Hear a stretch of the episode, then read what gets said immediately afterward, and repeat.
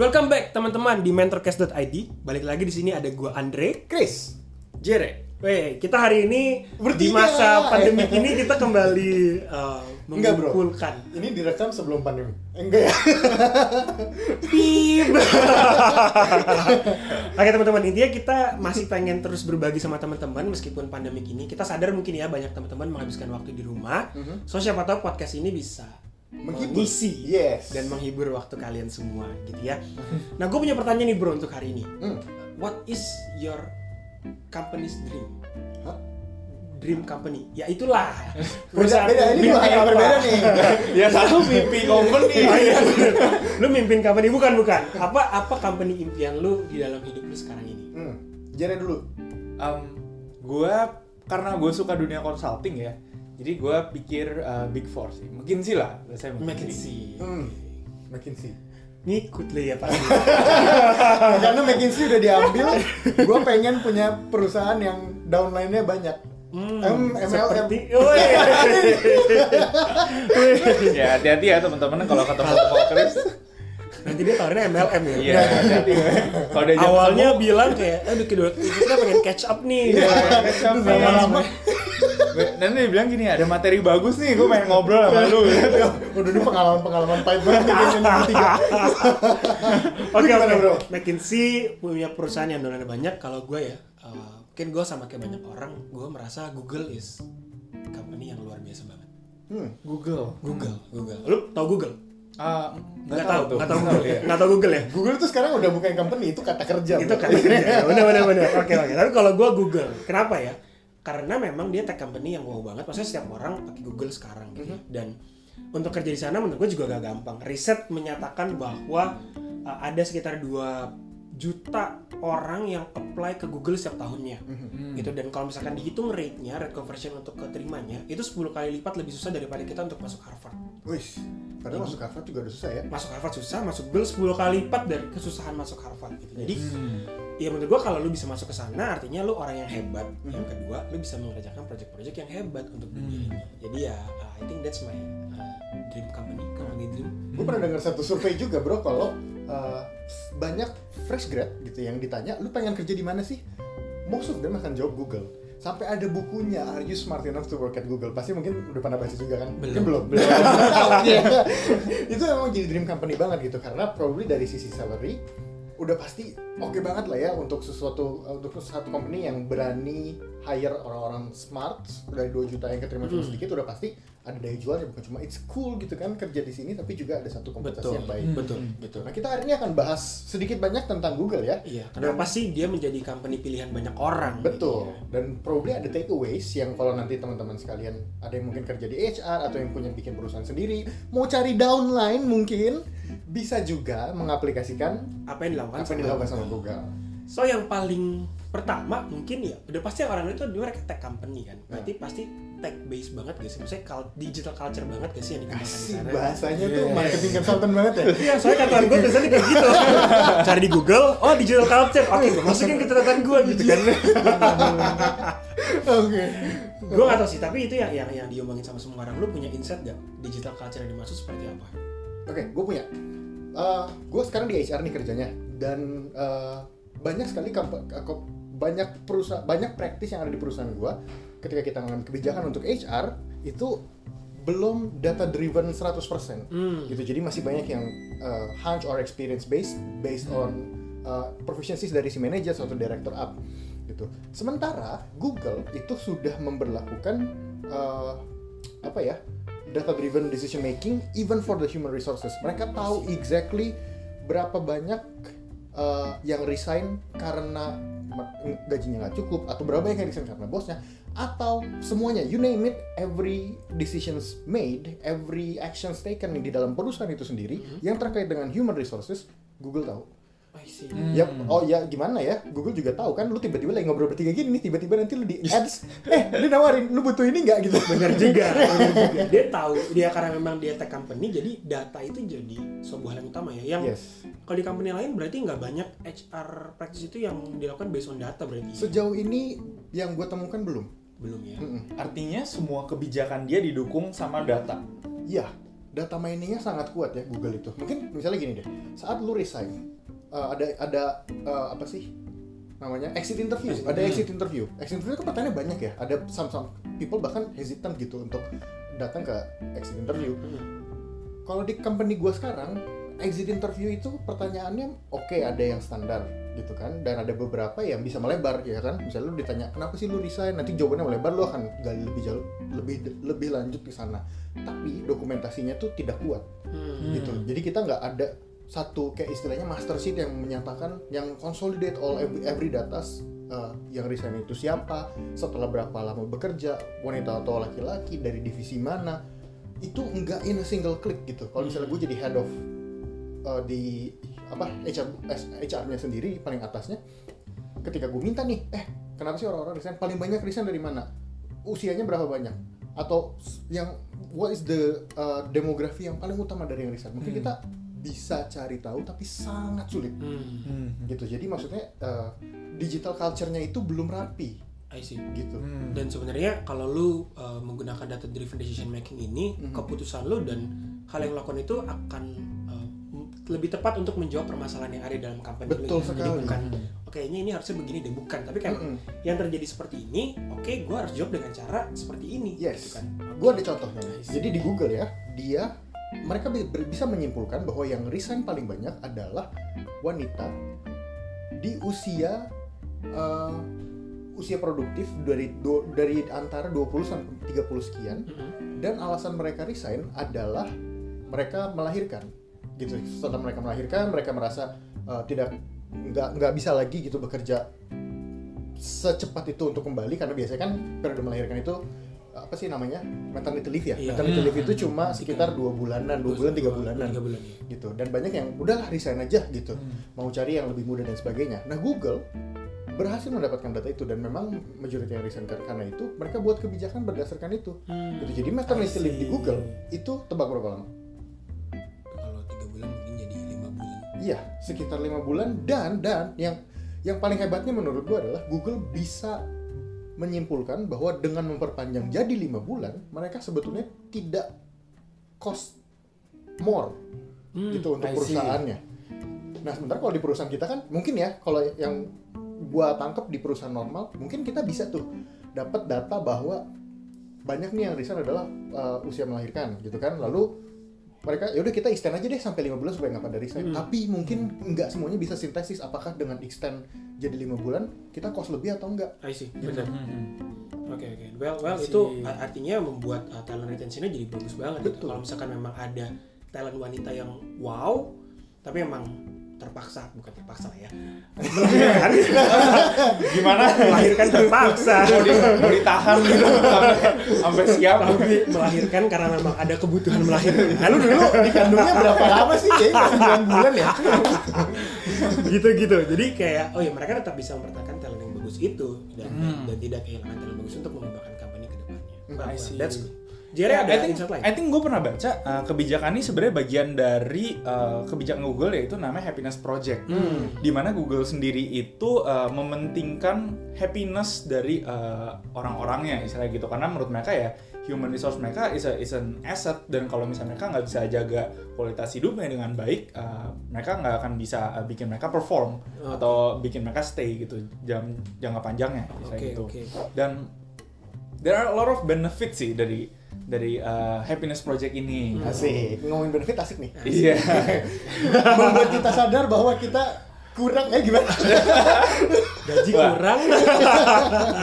untung gue bukan HR ya Gimana Jer? Benefitnya apa aja yang lu tahu Jer? Um, jadi sebenarnya rata-rata uh, mirip ya sama company lain ya cuman gue highlight tiga yang menurut gue unik Hmm. gitu yang pertama uh, benefitnya yang menurut gue paling menarik adalah di Google lu boleh bawa binatang peliharaan Oh lu sumpah.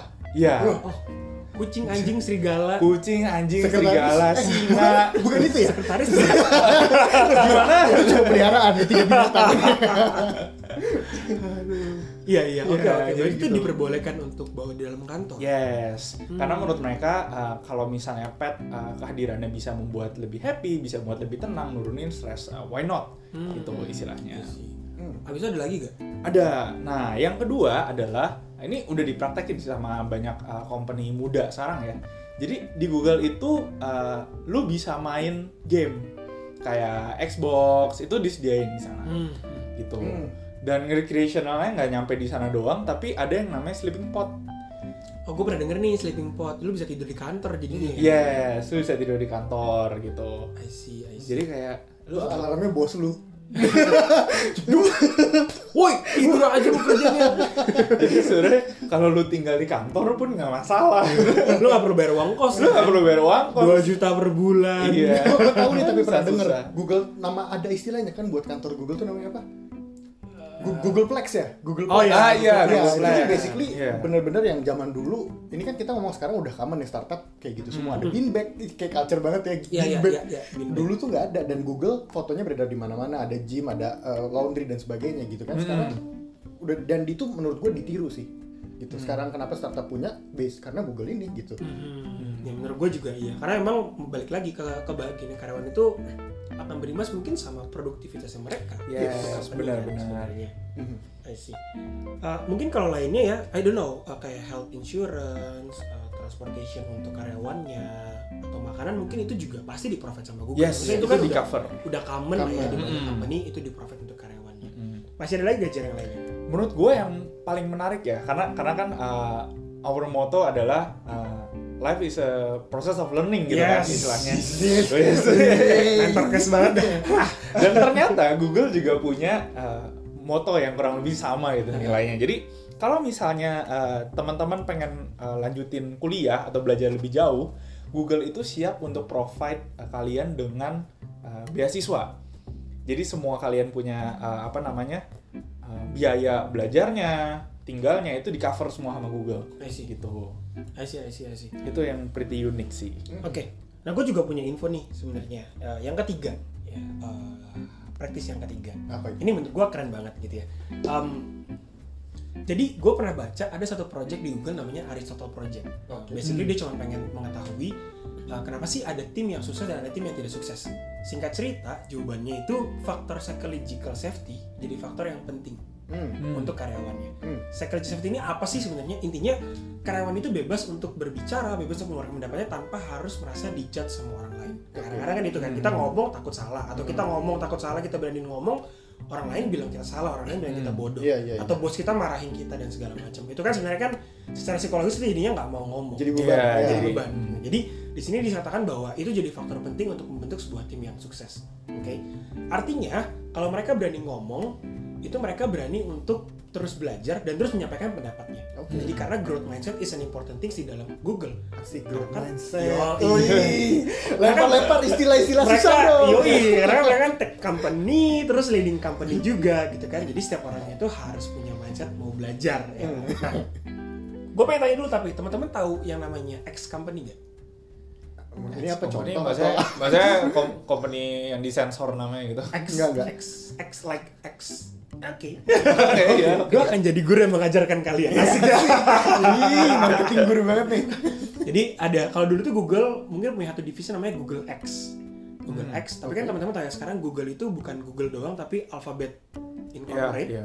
Google A Google B Google C Nama perusahaannya Alphabet. Oh, iya. bawah Alphabet ini uh, ada juga namanya X Company. Jadi ada divisinya Google X itu dibuat jadi sebuah perusahaan namanya X Company. oke Basically perusahaannya ingin bikin uh, program-program extraordinary lah. Mereka bilangnya Moonshot Factory. moonshot Moonshot. Moonshot itu kan kelihatannya kayak lu pengen ke bulan, Mhm. kan terinspirasi dari JFK dulu kan. Hmm. Pengen ke bulan, lu bikin project-project yang aneh-aneh lah ya, project-project yang luar biasa, yang mungkin menurut orang itu impossible Hmm. gitu.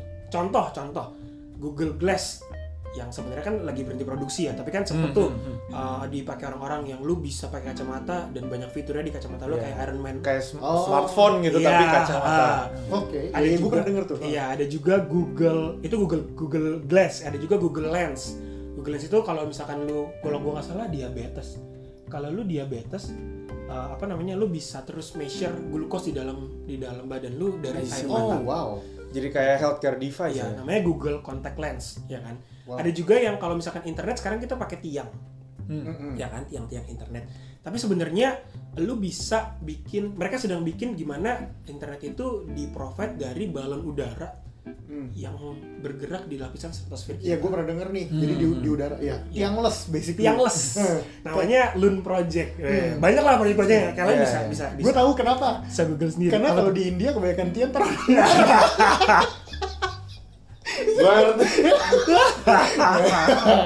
Anyways, nah dia gitu. Nah, yang menur- menurut gue menarik adalah salah satu moto di company, eh, di X company ini, eh, kalau misalkan mereka datang nih, eh, mereka itu akan spend more time untuk breaking their own project. Jadi mereka akan bilang hari ini tuh gimana ya caranya gue untuk kill project gue sendiri. You kill your own project. Yes, I create the project, then I have to kill my own project every day.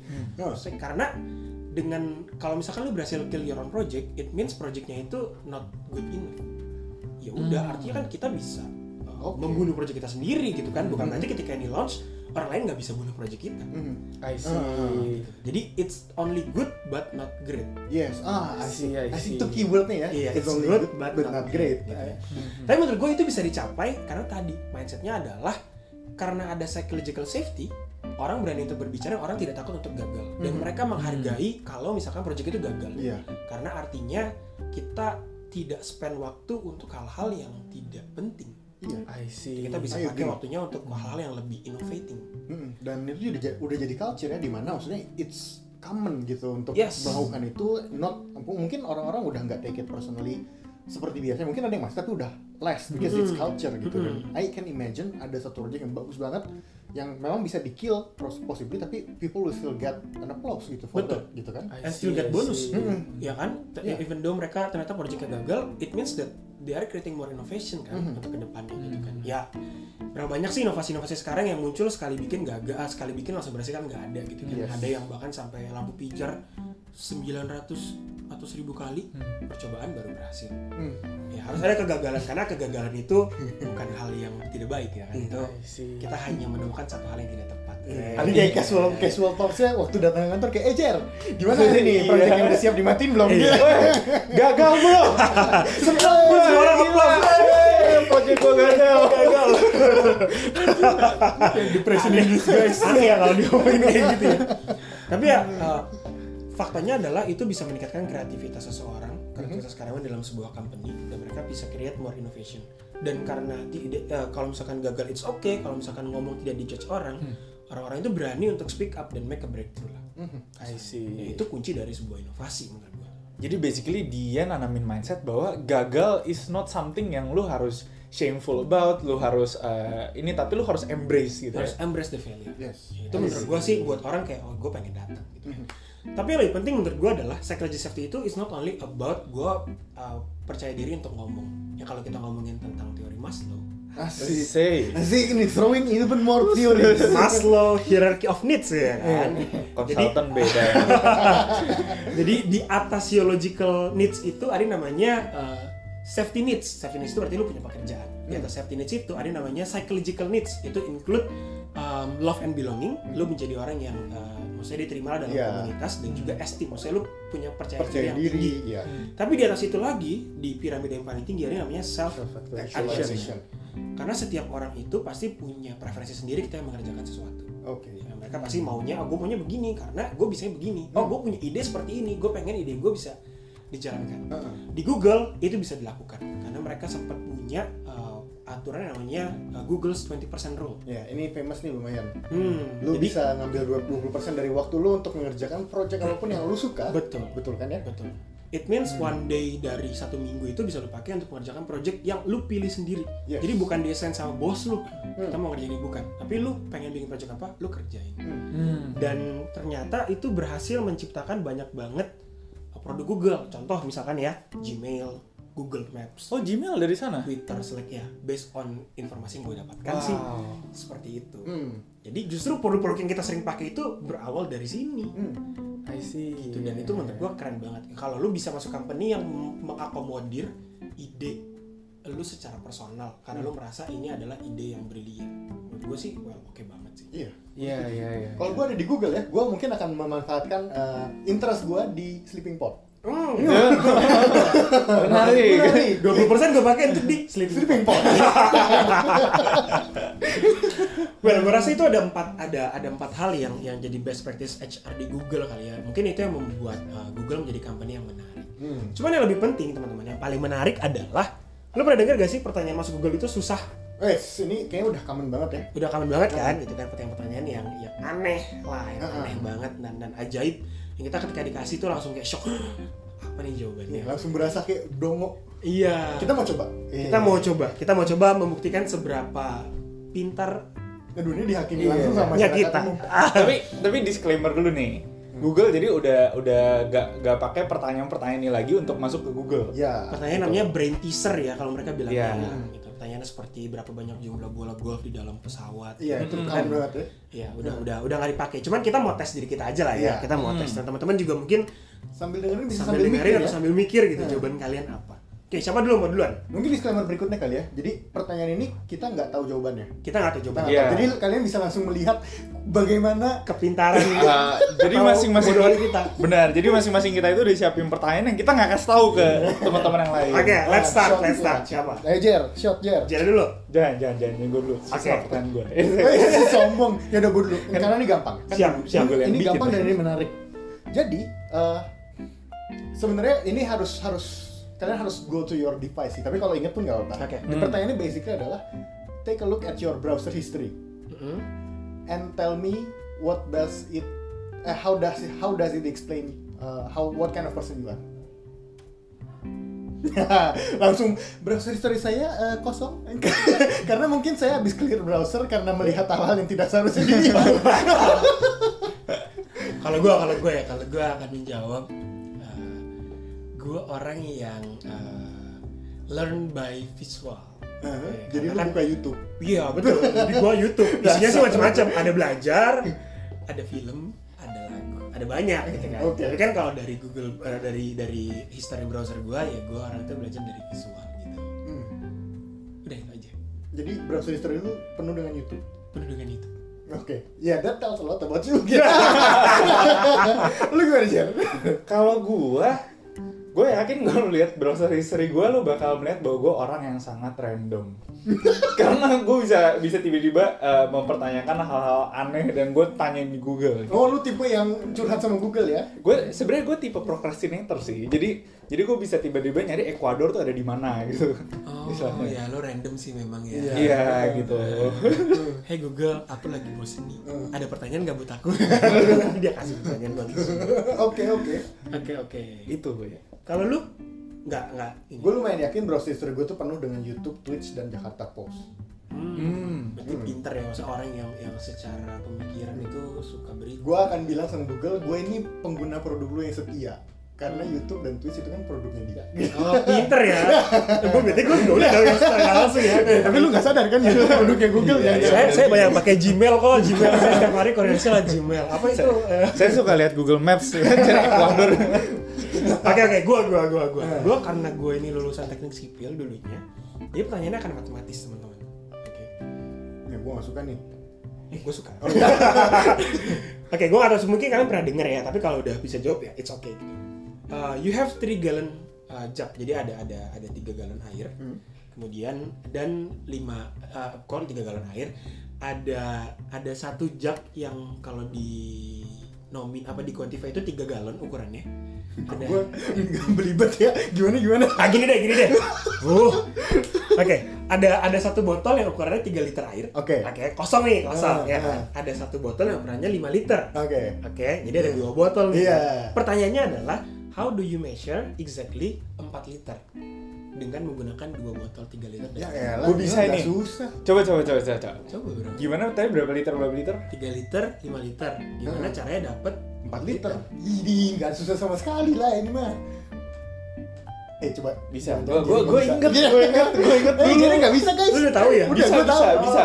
coba jar coba jar Saya gue ingat, gue harus gambar sebenarnya ini karena visual banget buat gue. Eh, Aduh, tapi masa bisa lu diceritain. gambar? Iya, Iya, iya, iya, iya. iya, iya. Oke, oke, sorry bapak uh, I'm sorry mister uh, I need a paper do you have a paper and I need a pen can, can I borrow your pen nggak mungkin Tiga, tiga liter sama lima liter kan. iya Iya. gimana cara dapat 4 liter Jadi pertama Gimana sih? jadi pertama lu isi dulu 5 liternya sampai full Mhm. lu tuang ketiga Mhm. sisanya kan 2 liter Iya. Mhm. 2 liter Terus? kayaknya gue salah deh Penyerah bilang nyerah tapi ya. dulu gue pernah jawab Hai dulu. Oke, nyerah. Oke. Eh, dulu kongres dulu Iya, lu itu kan selisihnya dua kan, 5 sama 3. Ah. Ya, let's assume lu yang 5 yang penuh, Iya. yang 3 yang kosong. Lu tuang dari yang 5 ke 3. Berarti lu punya dua nih sisanya. Mhm. Ya kan? 2 liter. Eh, lu tuh lu udah pu- punya exactly the 2 liter. Lu tampung aja yang 2 liter terus tuang lagi do the same again. Jadi lu punya 2 kali 2 liter, 4. Tunggu, tunggu gimana? tunggu Nggak bisa dong. nggak bisa dua dong lu Mau taruh 2 mana? liternya lu mau taruh mana Ya, lu punya yang lain. gue gue bisa gue bisa gue bisa gue bisa Gagal. gue bisa gue bisa gue bisa gue bisa Oke, terakhir terakhir. Kali sih gue kasih jawabannya. Eh, gimana? oke. Soalnya lagi ya? Sumpah gue gue inget banget. Oke, jadi terus. kayak caranya sama kayak tadi. Jadi lu uh, masukin uh, ke yang 5 liter. Mhm. buang ke yang 3 uh, kan sisa 2 liter. Lu buang yang 3 masukin uh, yang 2 liter tuh ke 3 Mhm. Habis itu udah gue lupa Oke. Ya, udah. Gue kasih jawabannya aja. Iya. Ada 3 liter dan 5 liter, ya kan? Ah, 3 liter lu isi nih penuh. Ah. Lu punya air 3 Ah. liter, ya Ah. kan? Lu taruh ke tempat yang 5 Lima liter. liter. Berarti Yang 5 liter lu punya 3 3 liter. liter. Sekarang lu isi lagi yang 3 liter dengan air. Jadi lu Ah. punya 3 liter dan 3 liter. Heeh. Ya kan? Yang 3 liter ini lu taruh ke tempat yang 5 liter. Ah. Berarti lu cuma butuh 2 liter kan? Iya. Biar penuh. Iya. Sisanya 1 liter di tempat yang 3 liter. Heeh. Bener gak? Iya. Yang 5 liter lu buang aja. Terus Yang 1 liter lu taruh. lu taruh. Terus isi lagi Lu 3 masukin liter. 3 liter lu taruh masukin lagi. 4 liter make sense Iya. Tapi kan lu nggak pernah bilang kalau tempatnya cuma dua. Gue Yang- bilang tempatnya cuma 2 yang, tadi. Yang tumpah itu 4 liter kalau dengan gue lakuin tadi. Iya. Ini nggak mau kalah gitu. Oke oke oke. Jer, lu punya pertanyaan apa Jer? Oke, gue punya pertanyaan nih. Jadi da- di sebuah desa ada 100 orang couple uh, yang married ceritanya gitu. Dan uh, 100 married couples ini has cheated on his wife. Wah, pertanyaannya gue Coba diulang. Ini, ini bukan bukan bukan maksud gue cowok Iya, tukang iya, selingkuh iya. ya. Enggak, enggak, enggak. Lu aja Iya, yang suka cowok itu baik. sebagai sebagai cowok gue Iya. vouch. Coba coba diulang. Oke, Jadi oke, oke. ada Jadi dalam sebuah desa Ada. yang isinya 100 married couple berarti dua Ah. orang. 100 ya 200 200 orang orang, ya. ya. kan couple ada ada beberapa suami suami Eh. ya, sorry nih ya Udah, udah yang yang cheated on his wife Oke. Oke. ya nah setiap istri di desa itu tahu kalau misalnya ada cowok yang cheat Oke. Iya. kecuali suami mereka sendiri Apa gimana? ngerti gak Ngerti gua ngerti. Ngerti kan? Oke. iya. jadi uh, instantly kalau misalnya ada suami orang nge-cheat cheat sama istrinya orang dia Hmm. istri istri yang lain tuh bakal tahu. Tapi kalau suami dia yang cheat, dia nggak akan tahu. Oke. iya. Oke, ya. Oke, ngerti ya? Nah, Ngerti ya? Nah, aturan di desanya, kalau misalnya seorang istri bisa membuktikan suaminya uh, selingkuh, dia harus bunuh pada hari itu juga. Oke. Oke. Iya. Ya kan? Oke. Lalu tiba-tiba pada suatu hari uh, ratu dari desa itu datang, terus dia bilang, Iya, terus dia terus. bilang minimal ada satu uh, suami yang selingkuh. Pertanyaannya adalah hmm. apa yang terjadi? nggak ada yang mati. Kenapa? Karena yang bisa bunuh cuma yang bisa membuktikan kan istri si istri yang bisa membuktikan gitu kan. Iya. Sementara si istri yang diselingkuhin kan nggak ada yang tahu. Bener nggak? Iya. Bre, gimana bre? Ada satu ratu. yang minimal satu. Iya. Suaminya ratu itulah yang yang selingkuh. Oh iya. iya. Eh enggak enggak enggak enggak kehitung bukan Iya, berarti rajanya. Iya, nggak punya raja kan? Kamu nggak raja? Iya, kan dia nggak tahu, ratunya kan nggak tahu. Ratunya single. Oh, eh, single. Lu bikin impresi selingkuh dia. dibunuh sama ratunya. Oke, ini Bener proses interview di Google nggak gini ya. lu nggak bisa membantah interviewer lu. Iya. Coba aja, coba aja, jawaban aja. ini ini susah sih jujur aja sih. Iya, oke. Jadi em, ada yang bilang katanya iya pada pada hari ke 100 semua suami itu serentak dibunuh. karena alasannya simple kan dia tahu nih ceritanya suami suami orang lain eh, apa namanya? Jadi hari pertama tes ini ternyata masih ada yang selingkuh, hari kedua lagi Iya. suami ini dibunuh ternyata masih ada yang selingkuh. jadi gini Gitu. ya. jadi gini kan satu istri tahu nih kalau semua semua istri di desa itu eh, suami di desa itu selingkuh misalnya. Jadi dia bakal nunggu hari pertama kalau nggak ada suami yang dibunuh artinya eh, masih ada lagi yang selingkuh. Istilahnya ngerti gak karena dia asumsinya suami si ini pasti dibunuh Karena dia selingkuh gitu loh paham, dan Oke, oke. ketika hari ke 100 mati semua ada yang ada yang jawab begitu Oke. tapi menurut gua menurut gua nih ya ini kalau teman-teman ada yang pintar nanti boleh di chat kita ya Iya, gitu iya, iya. menurut Oke. gua harusnya nggak ada yang mati Karena karena setelah hari 100 meskipun istri-istri ini istri-istri ini tahu uh, suami yang lain uh, selingkuh Heeh. gitu misalnya tapi mereka nggak tahu suami mereka selingkuh sendiri iya kan exactly yang gue bilang tadi kan. iya Kalau menurut gue jawabannya simpel sih. Berarti suaminya pintar semua. Karena bisa selingkuh tanpa ketahuan. Iya. Menurut- itu- mungkin itu Itu, jawabannya. itu mungkin takeaway yang harus kita bawa pulang Iya. ya, Jadi kalau di rumah. ya bukan. sorry, sorry, Kita- gimana? Kita Sorry, ngomongin sorry. apa sih? Kita Sorry, kita main podcast.